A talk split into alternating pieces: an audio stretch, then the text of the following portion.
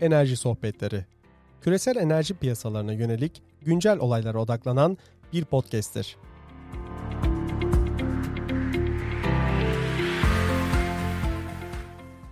Merhaba, 29 Haziran 2021 tarihinde karşımızda shale gazı en iyi bilen kişilerden biri olan Profesör Doktor Gürcan Gülen var. Hocam İstanbul'a hoş geldiniz. Hoş bulduk. Teşekkürler Barış. Ee, hocamızla bugün e, shale gaz devriminin birinci ağızdan e, konuşmadan önce hocamızın kendi bölüm kendisi bölümlerinin yazdığı ve bazı bölümlere katkı verdiği Yeni Mutabakat Ekonomisinde Doğal Gazı Paraya Çevirmek isimli kitap Monetizing Natural Gas in New Deal Economy adlı kitabı ile ilgili de konuşacağız. Ee, hocam önce sizi tanıyalım. Buyurun.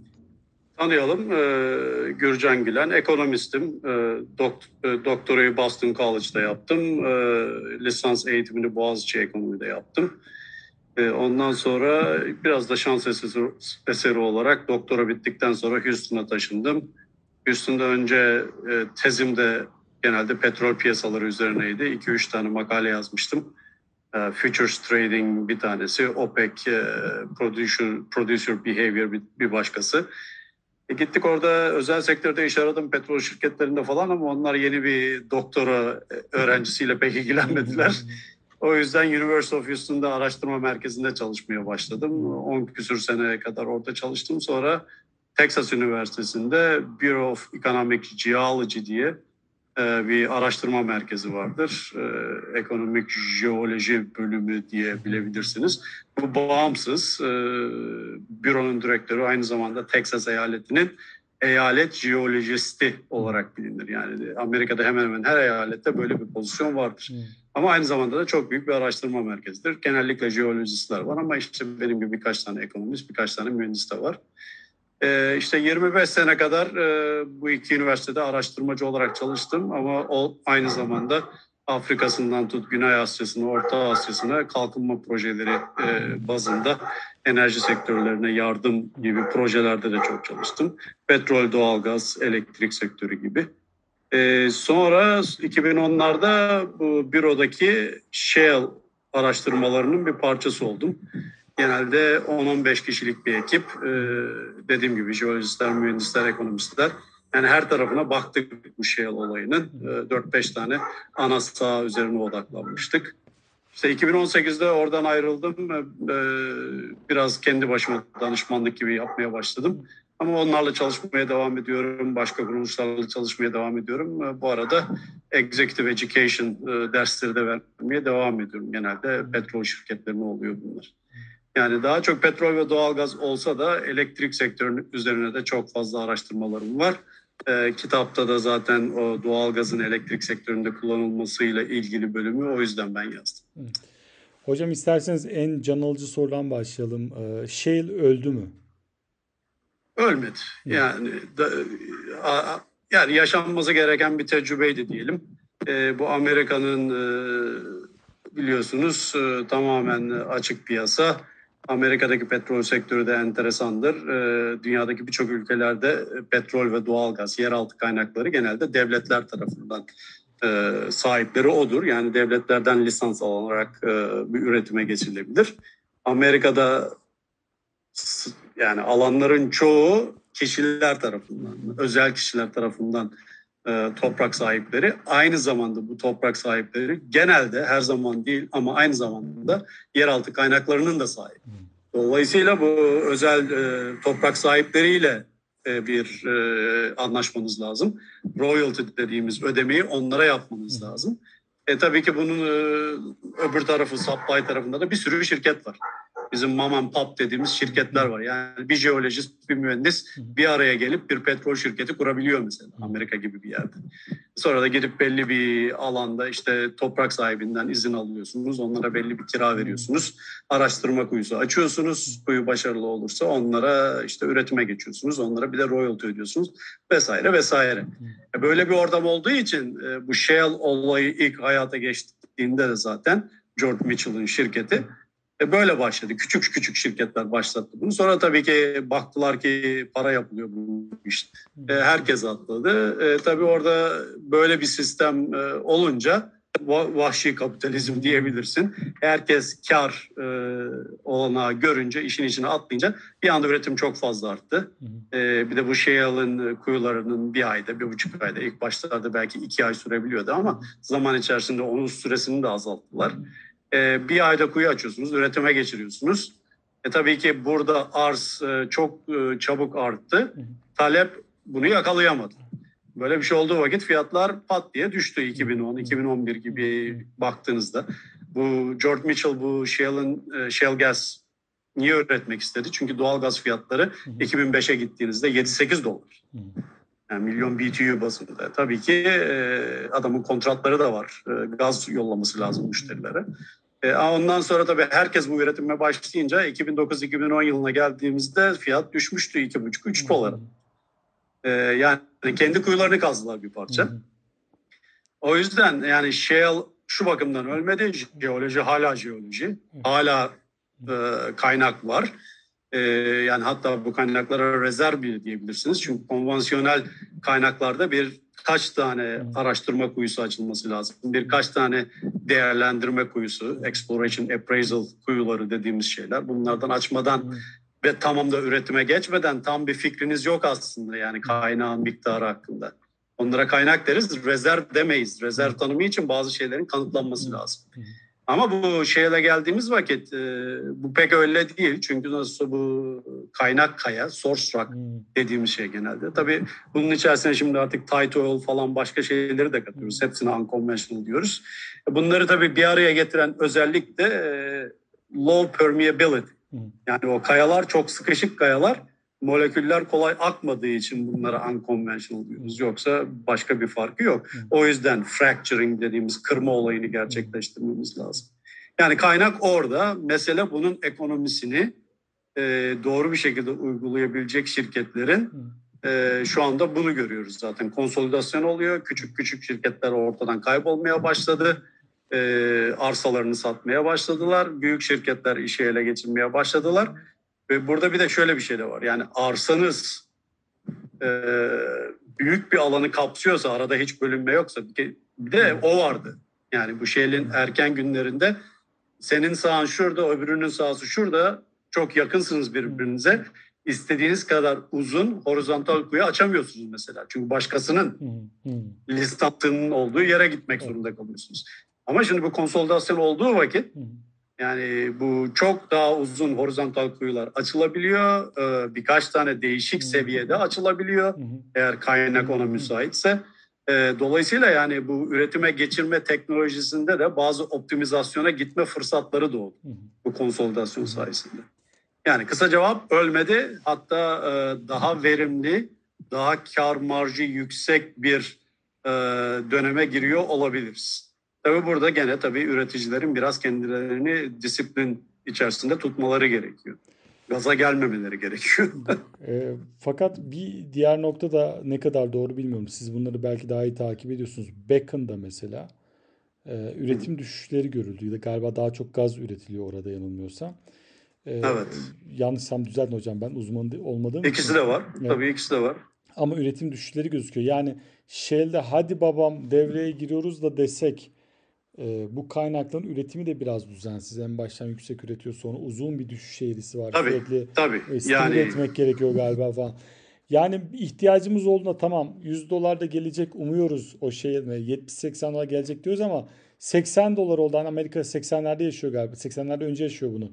Hadi gel dediğinde de bu sefer kaynak e, yani kaynağın sınırları da acaba yeterli mi? E, fiyatlar 100 dolara çıksa biz Shell'in bu fiyatları e, aşağıda tutacağına güvenebilir miyiz? Ee, işte orada sektörün ne kadar konsolide olduğu ve konsolidasyondan sonra kalan şirketler ki bunlar baktığınız vakit biraz daha mesela Exxon, Chevron hmm. yani bu büyük isimler hmm. Shell'de büyük oyuncu olmaya başlıyorlar veya Shell'in kendi yarattığı şirketler Pioneer Energy Range Resources, EOG e falan gibi şirketler kendileri büyüyüp e, biraz daha artık e, delikanlılıktan çıkıp olgun insan vaziyetine gelmiş oldukları için onlar da biraz daha tecrübelerini ortaya koyarak bu yatırımları biraz daha mantıklı yapmaya başladıkları vakit kaynak orada.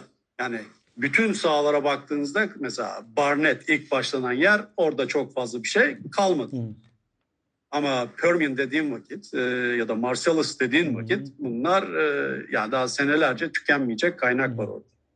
Marcellus özellikle doğalgaz açısından ve doğalgaz sıvıları dediğimiz natural gas liquids açısından Permian hepsi açısından. Yani Permian sonuçta tabii yeni bir yer kesinlikle değil. E, 100 sene önce orada başladı her şey zaten. E, önce Doğu Texas sonra Permian.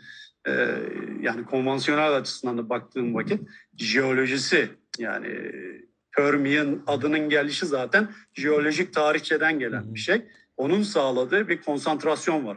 Hidrokarbon e, kaynaklarının orada e, çok büyük bir konsantrasyonu var. Yani orada hem conventional kuyular var hem unconventional kuyular var. E, kaynak açısından tabii yerine göre ama Permian Bakın biraz daha şey tabii e, o kadar e, zengin olduğunu zannetmiyorum ama o senin söylediğin hani üretimdeki dalgalanmalar bir parça 2015'ten beri yaşanan fiyat dalgalanmalarının Hı.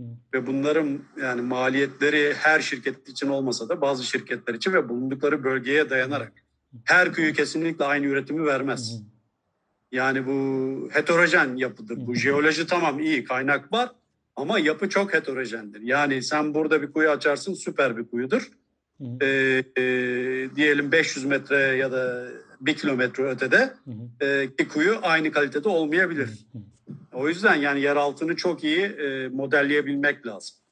O yüzden de data toplanması hatta nanoteknoloji bile kullanılıyor. Başka e, tür analizler de yapılıyor. E, bu data toplanması ve onun e, 3D modelinin yapılması hı hı. çok önemli bir şey. Kuyuları tamamen ona göre açıyorlar. Hı. E, hidrolik kırdırmayı ona göre yapıyorlar. İşte her şirketin buna tabii şeyi yetmiyor. E, altyapısı yetmiyor, kaynağı yetmiyor. Konsolidasyon o açıdan da biraz e, fark ettirecek. E, ama işte dediğim gibi 2015'ten beri yapılan fiyat dalgalanmaları yüksek maliyetli şirketleri daha zora soktuğu için onlar kuyu açmayı kestiler. Bazıları devam edebildi. Tabii burada o her şirketin finansal durumu da önemli. Ne kadar borçlanmışlar, ne kadar borçlarını ödemek zorundalar. Hı. Yani iflas etmeden devam edebilecek şekildeyseler ona göre de kararlarını değiştirebilirler. Hmm. Tamam ben şimdi bugünden çok fazla para yapmayacağım ama hmm. en azından borcumu ödeyebiliyorum. Hmm. En azından işletme maliyetini ödüyorum. Hmm. O yüzden yapayım gibi Böyle bir sürü tabii karar var. Ee, bunları yani sonuçta o gördüğün artışlar çıkışlar içerisinde bu bir sürü şirketin verdiği bu e, individual kararlar e, çok e, etki yapıyor. Bir de galiba e, burada yatırımcının bir fiyat beklentisi var. Yani buraya para yatıracak adam petrol fiyatları bunun altında seyredecekse ben bu işe yapmam diyor. Bunun Tabii. cevabını unutmayın. Bunu bu bir soru olarak geldi ama Üzerine bir de Biden döneminde yoğun bir iklimle başladı. Hatta ben küçük bir örnek olarak vereyim. E, Permian'ın New Mexico tarafındaki alanların pek çoğu federal arazi evet. oldu ve federal arazilerin e, kapatıldığı söylendi evet. yani bunları. Belki Hı-hı. bazı eyaletlerde mahkeme kararlarıyla dönmüş olabilir bazı şeyler ama Hı-hı. bunlar da aslında shale gaz üretimine sekte vurmaya devam edecek mi? bu kararlarda, bu federal arazilerde sondaj yapmama konusu. Ya izin, izinlerin durdurulması yani, değil. Aslında tamam. Yani devam et, devam ederse tabii böyle bir karar şimdi alındı. E, mutlaka mahkemelerde bunu e, sektör e, şey yapacaktır. E, yani dava edecektir. E, karar ne çıkar göreceğiz. E, ama şöyle bir şey de var. Daha geçenlerde buna bakıyordum. Woodmac diye bir organizasyon vardır. Yani araştırma kurumu, danışmanlık şirketi gibi. Onların yaptığı bir modelleme. Şimdi bu Permian'daki dediğin gibi o federal arazilerin çoğu zaten New Mexico tarafında, Texas tarafında yoktur federal arazi. Ee, şimdi bunların her, hepsinde üretim pat diye durursa ya da yeni kuyu açmak pat diye durursa sonuçta getirilen getirilen kısıtlama yeni lisans verilmesi üzerine. E, dolayısıyla eskiden yapılmış başvurular falan onlar hala onaylanıyor ama yeni lisans başvuruları şu anda dondurulmuş vaziyette. Şimdi bu kuralı modellemişler. 5-10 e, sene içerisinde önümüzdeki yani bu kural tamamen uyulursa üretimdeki azalış onların modellemesine göre yüzde 5 ile 10 arası bir şey. Önümüzdeki 5-10 sene içerisinde. Yani bir etkisi olacak ama çok da büyük bir etki değil. Ee, peki o zaman e, önceki kitaba benim çok sorun var da özellikle bugün bu podcast'i kitap üzerine yapmak istediğimiz için de oradan kitaptan devam edelim. İnşallah İstanbul'da bulunduğu süre içerisinde bir tane daha yapıp daha detaylı konuşmak istiyorum. Olur ee, tabii. Bu kitabın başında New Deal ekonomi. Bu önce buradan başlayalım. New Deal ekonomi ne? E, ve doğalgaz burada nasıl paraya çevrilecek? O başlığın hikayesi ne yani? Tabii. Ya o benim e, yazar arkadaşlar ki benim eski patronumdur Michel Michofos. E, o öyle hafif e, mizahlı bir title seçmek istedi. New Deal hani New Green Deal vesaire Amerika'da 1930'lara giden New Deal vardır. E, işte bu Great Recession'dan kurtulmakla ilgili falan yapılan politikalar. Yani Great New Deal'da Green New Deal'da onun şeyi. Şimdi Avrupa'da da kullanıyorlar aynı tabiri. Ona atıfta bulunan bir başlık oldu o. Ee, yani sonuçta Green New Deal ne diyor? İşte bütün fosil yakıtlardan kurtulacağız, e, yenilenebilir enerjiye geçeceğiz, hidrojene geçeceğiz vesaire vesaire. Yani bir sürü şey var ortada. Ee, yani böyle bir ortamda tabii doğal gazın rolü ne olabilir gibi düşünürsen e, herhalde fazla bir rolü olmaz gibi bir cevap geliyor birçok insandan. Ee, e, ona atıf atıfta bulunuyor. Bizim cevabımız yani hayal kurmamak lazım. Doğalgaz yani kolay kolay e, ortadan kalkabilecek bir şey değil. Çünkü e, yani chapter'ların bir tanesinde de bahsettiğim şeylerden bir tanesi bu. Dünyanın birçok ülkesine baktığım vakit e, hala kalkınmakta olan ülkeler bunlar. Hı. Hala kömür kullanan ülkeler. Hı hı. E, başta Çin, Hindistan olmak üzere ama tabii ki tek onlar değil. E, burada Güney Asya'daki bir sürü ülkede Vietnam, Tayland, Endonezya kömür kullanılıyor.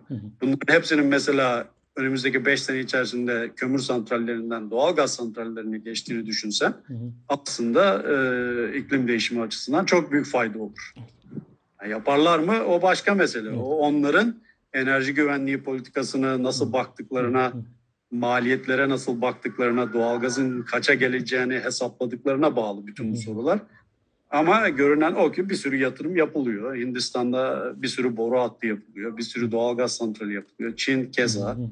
E, kömür santrallerini de durdurmuyorlar. Ama sonuçta e, doğalgazın kısa vadede bu tür kalkınmakta olan ülkelerin ihtiyacı olan yoğunlukta enerji ihtiyacını rüzgar ve güneşle karşılamak mümkün değil. Kimse hayal kurmasın o konuda yani. E, çünkü ben de açıkçası şunu tartışıyorum. Özellikle e, Türkiye'de duygusal bir atmosfer var. E, bir kaynağı diğerinin yerine koymak enerji dönüşümü. Ama şu anda yapılmaya çalışılan şey mega enerji dönüşümü. Yani kömürü, fosilli, kömürü, doğal gazı, petrolü dönüştüreceğiz ve mühendislik problemler çok büyük. Yani biz çok, Türkiye'de çok. hidrojen anlamında e, mühendis arkadaşlarla oturup konuştuğumuz zaman dirseklerden hidrojen çıkar mı, sayaçlar nasıl değişecek, hacimler değişiyor, sensörler nasıl değişecek falan diye uzun bir yol var. Fakat siz kitapta elektrikle alakalı kısmı tek başınıza yazdınız galiba. Diğerlerinde birlikte yani evet. Elektrik kısmında özellikle neyi anlatmaya çalıştınız? Şimdi bu kitaba başladığımızda aslında biraz e, ABD odaklı bir kitaptı. Hmm. Sonra işte bir tane chapter eklendi tamamen e, global e, bir hmm. bakış açısı getirmek için. E, benim yazdığım e, bölüm son 10 sene diyelim yaptığım elektrik sektöründeki araştırmalarla ilgili çok bayağı bu dispatch modeling denilen e, modelleri de kullanarak. Tevzi ama, modelleri, tevzi modelleri yani yük tevzi yönetim modelleri. Model, yük yönetim evet. modelleri evet. Anladım. Yani Türkiye'de de belki kullanılıyordur. Plexos diye bir model var, hmm. Aurora diye model var. Bunlar birleşti zaten. Aynı şirketin eline geçti. Tabii insanlar kendi modellerini de yazabilirler hmm. bu konularda. Bunu yapanlar da var. Ee, ama yani gerçekçi bir tevzi modeli için bu iki dediğim çok şey. Çünkü mesela bunlar e, üretim tesisi bazında. Hı. Yani sadece bir doğalgaz santrali değil ya da bir kömür santrali değil. O santralin içerisindeki üniteler bazında. Hı. Kaç ünite varsa. Ve bunların ramp rate'leri vesaire böyle detaylı yapılmış modeller. Yani sonuçta bunu e, sistem operatörleri de kullanıyor. Hatta utility şirketleri, elektrik şirketleri de kullanıyor. En azından Amerika'da böyle. Yani o biz bunları kullandık. Yani bunları kullanıp yaptığımız araştırmaların çoğunda e, bu elektrik e, sektöründe en hızlı değişim yapılan sektörlerden bir tanesi bu. Yani sonuçta rüzgar ve güneş panelleri çok ilerlediler teknoloji ol yani teknoloji olarak olmasa da maliyet açısından çok düştüler. E, tabii ki bu onların kabul edilmesini daha kolaylaştırdı. Teknoloji açısından diyordum geri aldım. Neden geri aldım?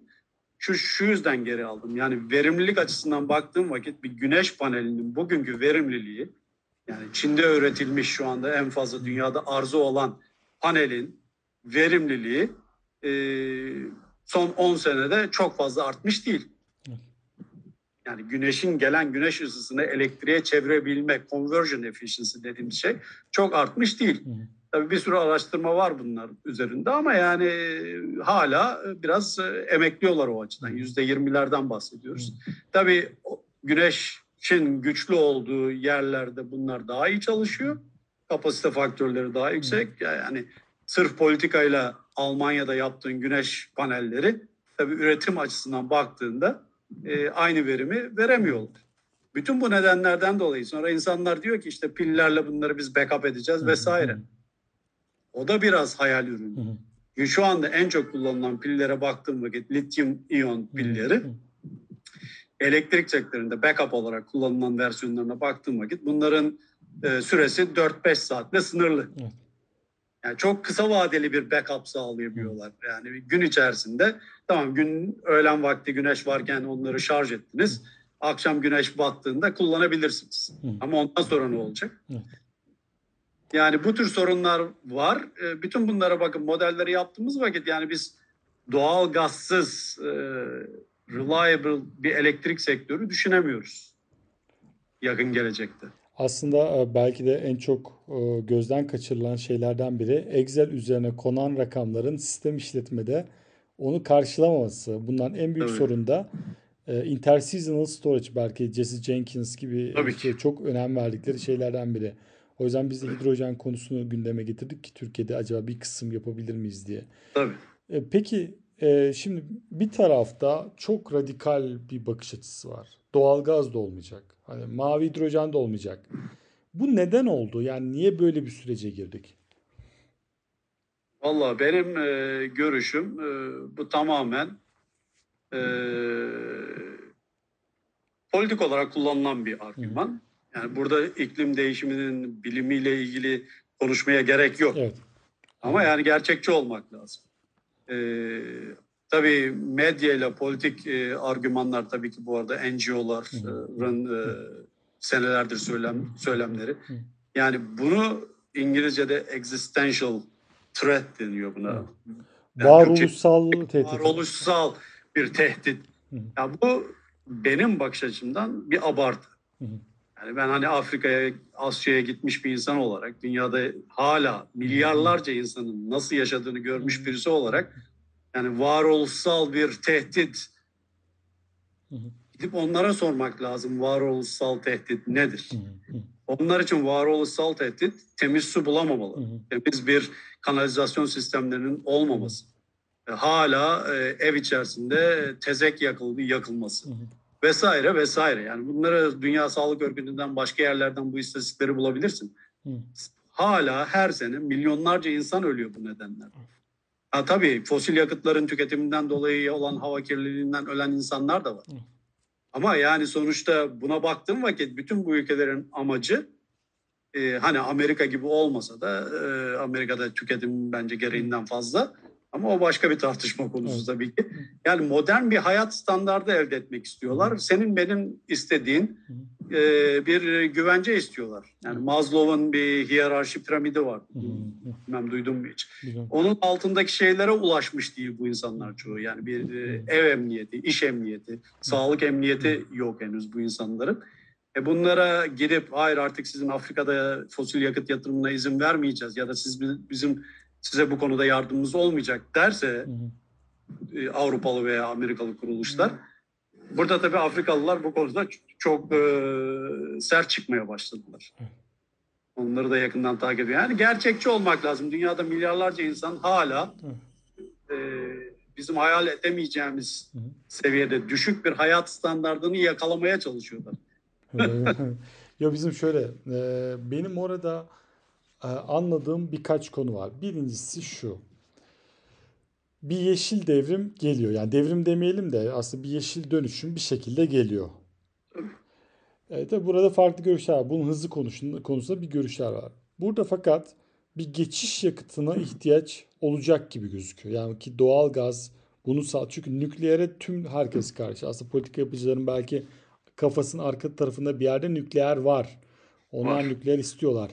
Ama bunu toplumlara kabul ettirmek zor olacak ama bu konudaki en başarılı e, ülkelerden biri İngiltere. Şu anda nükleer santral yapıyor bir sürü. Kimsenin gı gıkı çıkmıyor. Ama diğer ülke yani, için zor olacak. Gırkları çıkıyor ama yani sonuçta karar verilmişti. Tabii bu arada yani o Çin yatırımı vesaire hmm. konusu da var. Aslında çok tartışılıyor İngiltere'de hmm. ama yani başlandı bitirilecek büyük ihtimalle. Evet. E, fakat doğalgazın burada e, inanılmaz bir üstünlüğü var ve galiba fundamentalları çok güçlü olduğundan politik olarak doğalgazı devirmek en zor olacak. Bence öyle. Yani sonuçta e, ya biraz da yanlış düşünüyor. Yani hani başka seçeneğimiz yok o yüzden doğalgaz kullanmalıyız gibi bir e, mantık söz konusu. O yani bir parça doğru ama tamamen neden o değil. Sonuçta demin de söylediğim gibi yani kömür santrallerinin yerine doğalgaz santralleri geçecekse burada çok büyük kısa vadede sağlanabilecek bir fayda var. Ee, o yüzden e, tabii bu arada bu yeşil dönüşüm konusunda dönüşüm her zaman olmuş zaten. Yani Vaclav Smil diye bir yazar vardır. Bilmem hiç kitaplarını okumuş. Hepimiz biliyoruz. Yani Bill Gates de çok e, sever onu. En son kitabında Bill Gates de bayağı bir ona referans vererek e, birkaç tane böyle şema kullanmış. Yani son 150-200 senede birkaç tane bu geçişten geçti aslında dünya. Ama bunların hepsi 30, 40, 50, 60 sene süren şey. Odundan kömüre geçtik, kömürden petrole geçtik. Yani tabii bu geçişler sonucunda daha önce dominant olan yakıtların hiçbirini de bırakmadık aslında. Onlar da hala bazı sektörlerde kullanılmaya devam ediyor. Bu da bir başka e, aslında beni e, rahatsız eden bir durum. Yani elektrik sektörüne çok odaklanıldı. En çok orada işte rüzgar, güneş vesaire. Tabii şimdi herkes farkına varmaya başladı ki e, emisyonların sadece yüzde otuz, yüzde otuz beşi bir kere elektrik sektöründen gidiyor. Bölgesel değişimler olabilir ama yani dünya genelinde baktığım vakit. Tabii bu geri kalanları nereden geliyor? Ulaştırma sektöründen geliyor. Ee, uçaklar, gemiler, arabalar, kamyonlar vesaire. Ve diğer endüstriyel sektörden geliyor. Şimdi bunlar da energy density dediğimiz şey olay çok önemli. Bir Tesla kırmızı ışıktan kalkarken bir benzinli arabayı e, dumanında bırakır. Tabii dumanı yok. O da başka mesele. Çünkü elektrik motoru çok daha e, ivmesi hızlı olan bir motor. Ama diğer açıdan e, elektrik o pilin kapasitesine bağlı olarak gidebileceğin yer sınırlı vesaire sınırlı, şu sınırlı, bu sınırlı. Yani orada o energy density dediğimiz şey çok önemli ve bunu işte demir çelik sektörüne, alüminyum sektörüne, e, çimento sektörüne vesaire e, sektörlere taşıdığım vakit orada kullanılan yakıtların o enerji yoğunluğu olması çok büyük bir avantajı var. Hidrojen o yüzden şu anda çok daha popüler olmaya başladı. Çünkü insanlar bunun farkına var. Diğer olay mesela doğalgazda özellikle ve doğalgazla genelde beraber üretilen NGL'ler, doğalgaz Hı. likitleri dediğimiz şeyler. Yani petrokimya sektörü ne olacak? Yani hidrokarbonsuz bunları biz nasıl üreteceğiz? Şu anda Zoom kullanıyoruz. Ben bilgisayarındayım, sen bilgisayarındasın. Daha önce cep telefonlarından hesaplaştık. E bunların içinin hepsinde hidrokarbondan üretilme bir petrokimya ürünü var. Yani hayatımızın her aşamasında bir petrokimya ürünü var. Yani bunlar e, işte insanlar ne diyor? Yeniden e, dönüşüm şey vesaire, recycle economy. Değil mi? E, tamam bunlar da mümkün. Şimdi IEA bir ay kadar bir önce bir rapor yayınladı. Critical Minerals. E, görmüşsündür belki. Evet. Geçen sene de Dünya Bankası yayınlamıştı. Evet. Şimdi yani IEA'in mesela baktığı minerallerden e, birkaçına bakıyorsun. Bu enerji transition dediğimiz bu geçiş olayını yeterince işte. Paris Anlaşması'na uyum sağlamak açısından yeterince hızlı yapmak gerekirse bazı minerallerin üretimi ve tüketimi yüzde dört bin, yüzde beş bin artmak zorunda. Yani bu rakamı insanlar içselleştiremiyorlar anladığım kadarıyla. Çünkü onu yapabilmek için ne kadar daha maden açılması Hı. lazım? Ne kadar daha madenlerin rafine edileceği tesisler kurulması lazım? Yani dünya madencilikle tanışacak bu hızla gidersek. E, nasıl son 10-15 senedir fosil yakıtlara saldırdıysa çevreciler. Bu madencilerin peşine düşecek çoğu. Şu anda düşenler zaten. Evet. E, ama yani bu madencilerin peşine düşülecek. E, bakır mesela. Evet. Bakırsız bir elektrik sektörü düşünülemez. Zaten e, pek belki e, insanlar hissetmiyor ama ABD'de bu infrastructure'la alakalı kanun taslağının üzerinde uzlaşma olduğu, bir partisanın uzlaşma olduğu Hı hı. bir anda çelik fiyatlarını aldı götürdü tekrar. Yani Tabii. bir Çin'den böyle bir taleple vuruyor, bir buradan vuruyor. Yani ne yöne kalkınmaya çalışsınız bu emtia maden talebi yani materyalsiz bir büyüme şu anda gözükmüyor yani. Modern Facebook ekonomisi mümkün değilmiş yani. Ya şöyle söyleyeyim. Modern hayat insanoğlu dünyayı kazmadan yok böyle bir modern hayat. Evet. Mutlaka kazacağız. Bir şeyler çıkartacağız. Evet. Başka türlü modern hayat yok. Ya bu petrol olur, doğalgaz olur, kömür olur. O olmazsa ne olur? Bakır olur, magnezyum olur, Hı. lityum olur, e, kobalt olur Hı. vesaire ve nikel olur.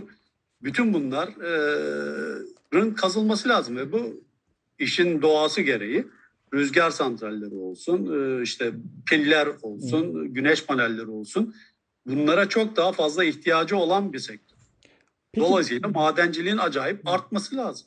peki burada e, tekrar yenilenebilir tarafına dönersek mesela Amerika biraz ilginç bir ülke. Mesela George W. Bush zamanında yanılmıyorsam Texas en fazla rüzgar santralini yaptı. Siz de yıllarca Texas'ta yaşadınız.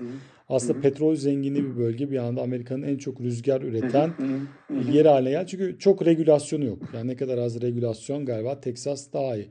Fakat son dönemde Texas'ta kışın e, Şubat'ta yanılmıyorsam büyük bir kriz yaşandı. E, bu krizlerde de herkes aslında bunu bir diğerine karşı silah olarak kullandı. Yani işte yenilenebilir falan. Bunu konuşmak ister misiniz? Bu olayı siz nasıl gördünüz Tabii, orada? konuşalım. Hı. Önce şeyi söyleyeyim yani Texas e, enteresan bir yerdir. E, gelip Texas'ta yatırım yapacaksan neye yatırım yaptığın önemli değil. E, you're welcome. Yani e, aynı şey rüzgarcılar için geçerliydi. Petrolcüler için de geçerli. Şimdi güneşçiler için de geçerli. Sonuçta Texas'ta bir yatırım yapıyorsan, Texas'ın tabii bu bir de bu rüzgar ve güneş yatırımlarının yapıldığı yerler genelde batı tarafında. E, tabii orada tarım falan zaman içerisinde biraz ölmüş, daha fakirleşmiş bölgeler. Yani oraya bir kalkınma faydası sağlıyor. Yani bu için politikasına fazla girmeye gerek yok ama işte oradaki county'lerin representatifleri falan e, temsilcileri e, bu politikalar üzerinde bir şey yapıyor yani. Texas'ta mesela rüzgarın çok hızlı artmasının nedenlerinden bir tanesi Texas Kongresi'nde oraya yeni iletim e, hatları kurulması konusunda çıkan bir destek. Hı hı. E, bunu aynı zamanda regülatörü organizasyon da Hı destekledi. hı. E, şimdi Şubat'ta olan olaya gelirsek e, tabii Texas işte iklim değişiminin etkilerinden bir tanesi olabilir. Hı. Ee, bunu şöyle söyleyeyim ama çünkü herkes aynı şekilde ben düzeltiyorum. Kendimi de düzelteyim. Hiçbir günlük hava olayını Hı. iklim değişimine direkt olarak bağlamak mümkün değil. Evet. Yani bunu bilim adamları kendileri de söylüyor. Hı. Ama genel olarak trendlere bakıldığında hani sonuçta e, iklim değişimi oluyor e, ve bunun e, bazı bölgelerde bazı ekstrem hava şartlarına neden olması gayet de mümkün. Evet. E sadece bunu yani bilimsel olarak ya da istatistiksel olarak bağlayamayız. Ha, şu bunun yüzünden oldu diyemiyoruz. Ama genel olarak böyle bir etkileşim söz konusu. Şimdi Şubat'ta olan olay bunun benzeri çok daha kısa süreli olarak 2011'in Şubat'ında da olmuştu. Hı. O zaman da böyle çok dondurucu bir hava gelmişti ama çok bu kadar uzun sürmemişti. Hı hı. Yarım gün bir gün falan sürmüştü galiba. Orada da bazı santraller e, düşmüştü. E, o zaman bazı e, işte Texas'ın mesela çok business friendly olmasının belki hatalarından bir tanesi bu. Bazı tavsiyelerde bulunmuştu. Zorlan yani zorla uygulattırılacak e, yeni kurallar değil de şunları yapsanız iyi olur babında bazı şeyler çıktı onu e, analizinden. Şimdi bu bu senenin Şubat'ında yaşanan krizde görüldü ki 2011'de yapılan tavsiyelere çok fazla üretim şirketi uymamış. Bu tavsiyeler ne mesela? Weatherization dediğimiz şey. Şimdi Texas günün e, genelde günün 365 günü hava sıcaklığı sıfırın altına düşmez. Bazı yerlerde düşer kuzeyde vesaire. Ama birçok yerde düşmez. Şimdi o tür yerlerde düştü sıfırın altına ve sıfırın altında uzun süre kaldı. Şimdi orada yani vedrizasyon yaparsan bir doğal gaz santrali veya kömür santraline böyle bir şeye karşı kendini korumuş olursun. Ama şimdi bu 2020'de yaşanan olay daha önce 100 yıl önce olmuş ancak 2011'deki çok daha kısa sürdüğü için tam bir karşılaştırma değil. Şimdi ona yatırım yapmak ister misin istemez misin? Yaparsan tamam böyle bir şeye karşı riske karşı kendini korumuş olursun. Santralin üretime devam edebilir eksi 10 derecede. Ama diğer yandan günün yılın geri kalanında o weatherization yüzünden, e, izolasyon yüzünden yani soğuğa karşı koruyacaksın bazı e, tesisleri. E, yılın geri kalanında hava zaten sıcak olan zamanlarda senin üretim e, verimliliğin düşebilir. Yani bütün bu riskler var. E, o yüzden bakalım ileriye dönük ne olacak? Şimdi bu yaz başında da biraz endişe var. E, Birçok e, termal santral, e, doğalgaz ve kömür de dahil sanırım. E, sistem operatörünün beklentisinin ötesinde şu anda üretim dışı kalmış vaziyetteler. Biraz endişeliler çünkü yaz sıcakları geliyor. Hepsine ihtiyaç duyacakları saatler olacak. E, acaba ne olacak deniyor. Ee, yani öz cümle burada olan e, budur. Yani böyle bir soğuk havasına, 2-3 gram soğuk dalgasına hazırlıklı değil santraller. Aynı zamanda doğal, doğalgaz boru hatları da hazır değil. Doğalgaz üretim sahaları da hazır. Bunların hepsinde donma yaşandı. Dolayısıyla yeterince doğalgaz yok sistemde. Bazı santraller de kendilerinde donma yaşandığı için zaten kapandılar. Bazıları da doğalgaz alamadıkları için üretimi. Peki hocam e, kitabınızın perspektifinden baktığımız zaman yani e, bu işler nereye gider diye soruyorum.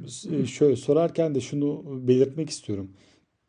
Şimdi Texas krizi bir geri vuruş oluşturdu. E, infrastructure taslağında yani bu altyapı taslağında Biden altyapı taslağında bir progresiflerin istediği şeyler gelmiyor galiba. Yani bazı geri sapmalar var.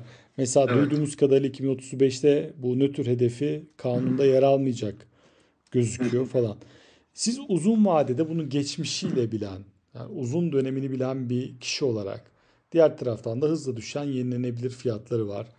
Ve bunda kitabını yazdınız. Doğalgazın gideceği yeni deal yani yeni mutabakat ekonomisiyle alakalı.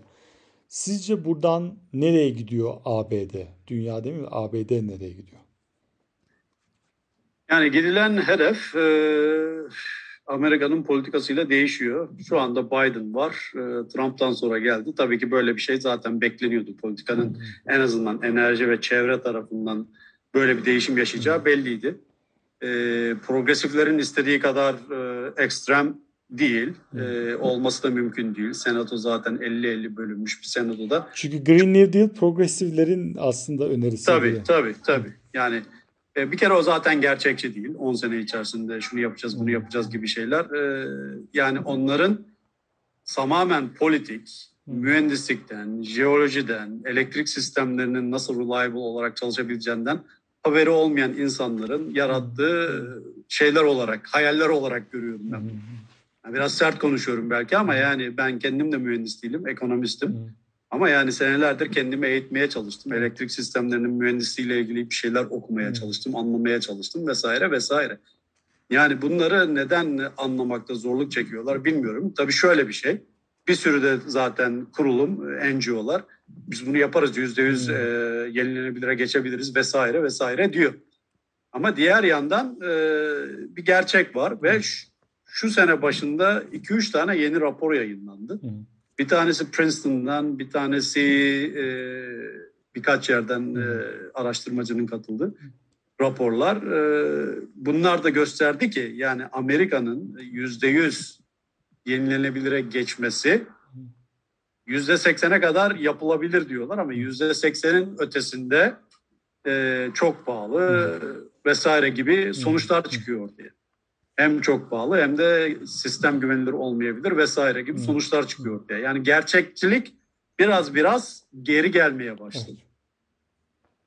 Yani bu rüzgar ve güneşte yapılamayacak şeyler var. E, pillerle bunların backup edilmesinin sınırlarını insanlar demin sen de bahsettin Jesse Jenkins'ı hmm. e, referans vererek. Tabii ki long duration dediğimiz e, günde 4 saatlik bateri belli bir faydası var. Yani uzun vadede bir reliability sağlamıyor. E, o tür teknolojiler şu anda en azından commercial olarak, ticari olarak yok. E, bütün bunların şey yapması, şey yapılması lazım. Mesela fiyatlardan bahsedin. Evet, e, güneş panellerinin fiyatları düştü, rüzgar e, türbinlerinin fiyatları düştü. Ama son zamanlarda yapılan anlaşmalara baktığım vakit, Power Purchase Agreement falan, fiyatlarda artışlar gözlemeye başladık. Bütün bunlar için. Çünkü şöyle bir şey var. Bir de sistem çok daha fazla rüzgar ve güneş ağırlıklı olursa marjinal sistem fiyatı çok daha düşmeye başlıyor. Çünkü bunların e, operasyon maliyeti e, çok düşük. Onların sorunu genelde e, kapital maliyet, yatırım maliyeti. Abi üretim maliyetleri çok düşük. Yakıt yok, bir şey yok. Çok fazla bakıma ihtiyaç yok genelde. Böyle olduğu vakit e, çok e, düşük fiyatlı bid verip dispatch olabilirler. E, böyle olunca piyasa fiyatı düştüğü vakit kendilerinin de cash flow'u zarar görmeye başlıyor. Yani o yüzden böyle bir kendi altlarını oyma gibi bir sorun da söz konusu. O yüzden ancak ne olacak? Sübvansiyonlara devam edilecek veya işte tüketicilerle veya işte endüstrilerle uzun vadeli kontrat imzalayacaklar. Power Purchase Agreement dediğimiz kontratları imzalayacaklar. Orada fiyat bir garantili e, garantisi olacak ki işte cash flow e, hem maliyetlerini karşılayacak kadar yüksek hem de bir rate of return geri dönüş sağlayacak kadar yüksek olacak. Yoksa e, tamamen bir kompetitif piyasada bunların kendi başlarına ekonomik olarak yatırım yapmaları çok zor. Ben gerçekçi olmaya çalışıyorum. E, işin gerçeği e, biraz da ekonomistliğimden gelen bir şey bu bence. Yani insanların önce reliable, affordable enerjiye ihtiyacı var. Yani hem güvenilir 24 e, çarpı 7 olacak elektrik hem de çok pahalı olmayan elektriğe ihtiyaçları var. E bunlar şu anda yüzde yüz rüzgar ve güneşten pille pilsiz sağlanabilecek şeyler değil. Evet. Anlık Dolayısıyla... olarak sağlansa da tüm seneyi kurtaramıyor yani. E tabii tabii. Yani benim demek istediğim o. Yüzde yüzden kastettiğim o zaten. Yani çünkü talep dalgalanan bir şey. Gün içerisinde dalgalanan bir şey. Sezonsal olarak dalgalanan bir şey. Ve bulunduğunuz bölgeye göre bunların verimliliği de çok değişiyor. Yani Karadeniz'de genelde bulutlu, yağmurlu bir bölgede siz güneş santrali kurarsanız ondan çok fazla verim alamazsınız. Biraz üretim yaparsınız ama çok fazla yapamazsınız. E bu da ne demek oluyor?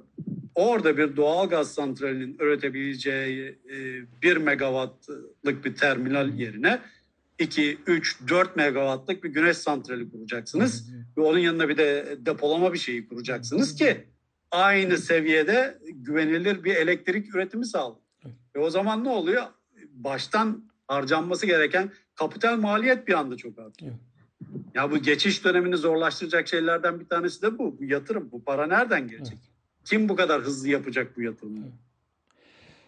Ee, bunlar gerçekten biz de kendi adımıza söyleyeyim. Biz de e, Bilkent'te çok kafa yorduğumuz konulardan biri hidrojen dönüşümü ve mühendislik olarak ciddi sorunlar var. Yani e, çok.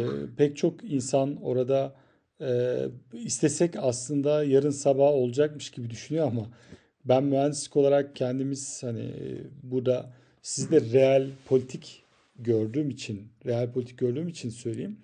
Ya mesela biz hidrojen hedeflerken e, ekipman ne kadar sürede değişir, tüketici buna nasıl hazırlanır, kombiler ilk hidrojene hazır kombiler hangi yılda Türkiye'de satışa sunulur, hangi yılda Türkiye'de hidrojene hazır kombiler mecbur olarak satışta olur. Bunun e, parktaki sirkülasyonu falan diye böyle hesaplar yapıyoruz. Mesela 2030, 2040, 2045 böyle gidiyor yani tarihler böyle gittikçe. Ve hala şunu bilmiyoruz. Bu kadar kilometre boru hattının buna hazır olup olmayacağı falan diye gittikçe Tabii. değişiyor. E, ve her şeyin kötüsü e, bazı mühendislik hesapları hiç çıkmıyor. Bunlardan bir tanesi de Türkiye'de kar yağdığı günlerde e, yenilenebilirin ne kadar enerji sağlayacağı konusu büyük bir tartışma o zaman o günler için kar yağan hı hı. soğuk günler için fosil yakıt yedek rezervleriniz olmalı. Çünkü Türkiye'de 4-5 gün sürüyor bu soğuklar. Yani pillerin kurtarabileceği bir soğuk da yok. Tabii. Ee, o yüzden şöyle yani biz yenilebilir sonuna kadar destekliyoruz. Olabildiği kadar olsun. Ee, gene Princeton ekolünün biraz daha tarafındayız. Yani bu kaynak ucuzsa sonuna kadar kullanalım. Aynen. Yani bir yani ekonomik açıdan, teknik açıdan, mühendislik açısından mantıklıysa o mantıklı olduğu yerde kurun bunu. Evet. Ama yani empoze etmenin Sınırları da var yani. hiçbir anlamı yok. Çünkü yani sonuçta bir duvara vuracakları kesin. Evet. Olmayacak çünkü yani mühendislik açısından olmayacak. E, yani EPC dediğimiz Engineering Procurement Zaman alacak, çok zaman alacak biraz. E, Onlar da zaten yani çünkü insanlar bir de şeyi anlamıyor anladığım kadarıyla. Ee, İngilizce'de scale ve scope. Ölçek, Yani, ölçek, ölçek ve yani kapsam. ne kadar yani Ölçek ne kapsam. kadar şeye ihtiyacımız olduğunun farkında Hı hı. değiliz. Bu değişim böyle ha bugünden yarına olacağını zannedenler belki bunun farkında değiller.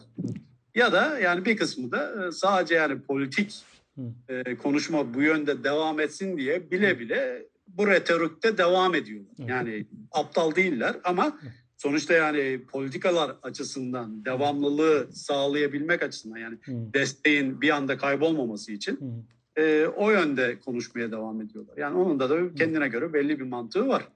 Ama kesinlikle aynı fikirdeyim. Yani eğer mantıklıysa yani Türkiye gibi bir ülkede Japonya için de aynı şey geçerli mesela. Tamamen dışa bağımlı bir ülkeysen enerji açısından tamamen olmasa da %50'den fazla bağımlıysan Japonya bizden bile daha fazla bağımlı.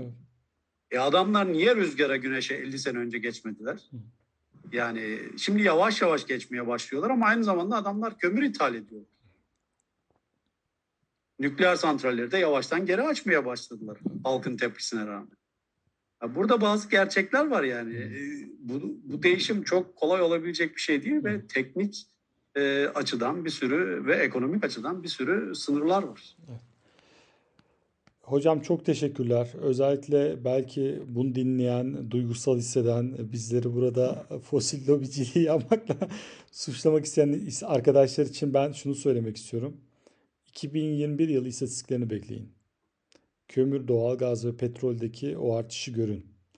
Ardından bu kadar insanın bu kadar söylemle niye ileri gitmediğini bir daha düşünün. Niye gidemediklerini. Ee, o yüzden bizi bir şekilde şöyle düşünün. Realite nereye düşüyor onu bulmaya çalışıyoruz.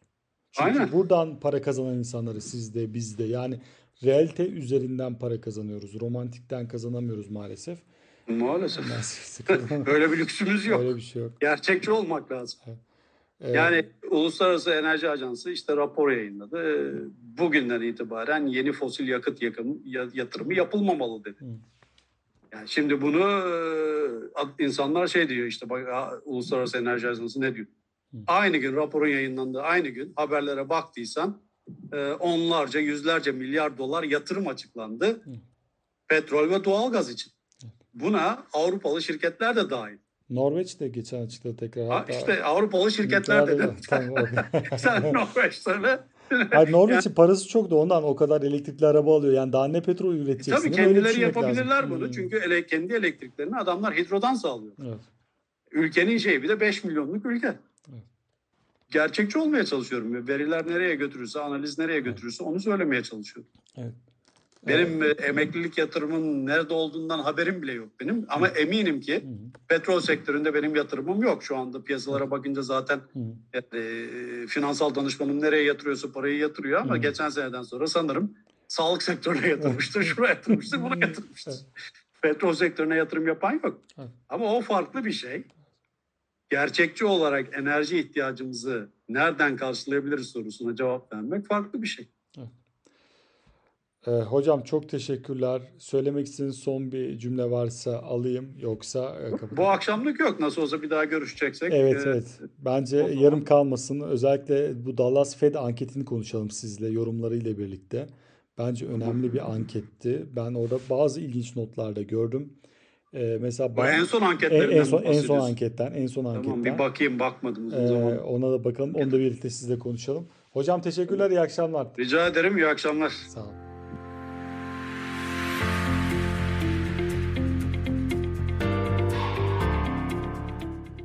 Dinlediğiniz için teşekkür ederiz. enerji sohbetlerini Anchor, Spotify, Apple ve Google platformlarından takip edebilir, bizlerle iletişime geçebilirsiniz. Bir sonraki bölümde görüşmek dileğiyle. Hoşçakalın.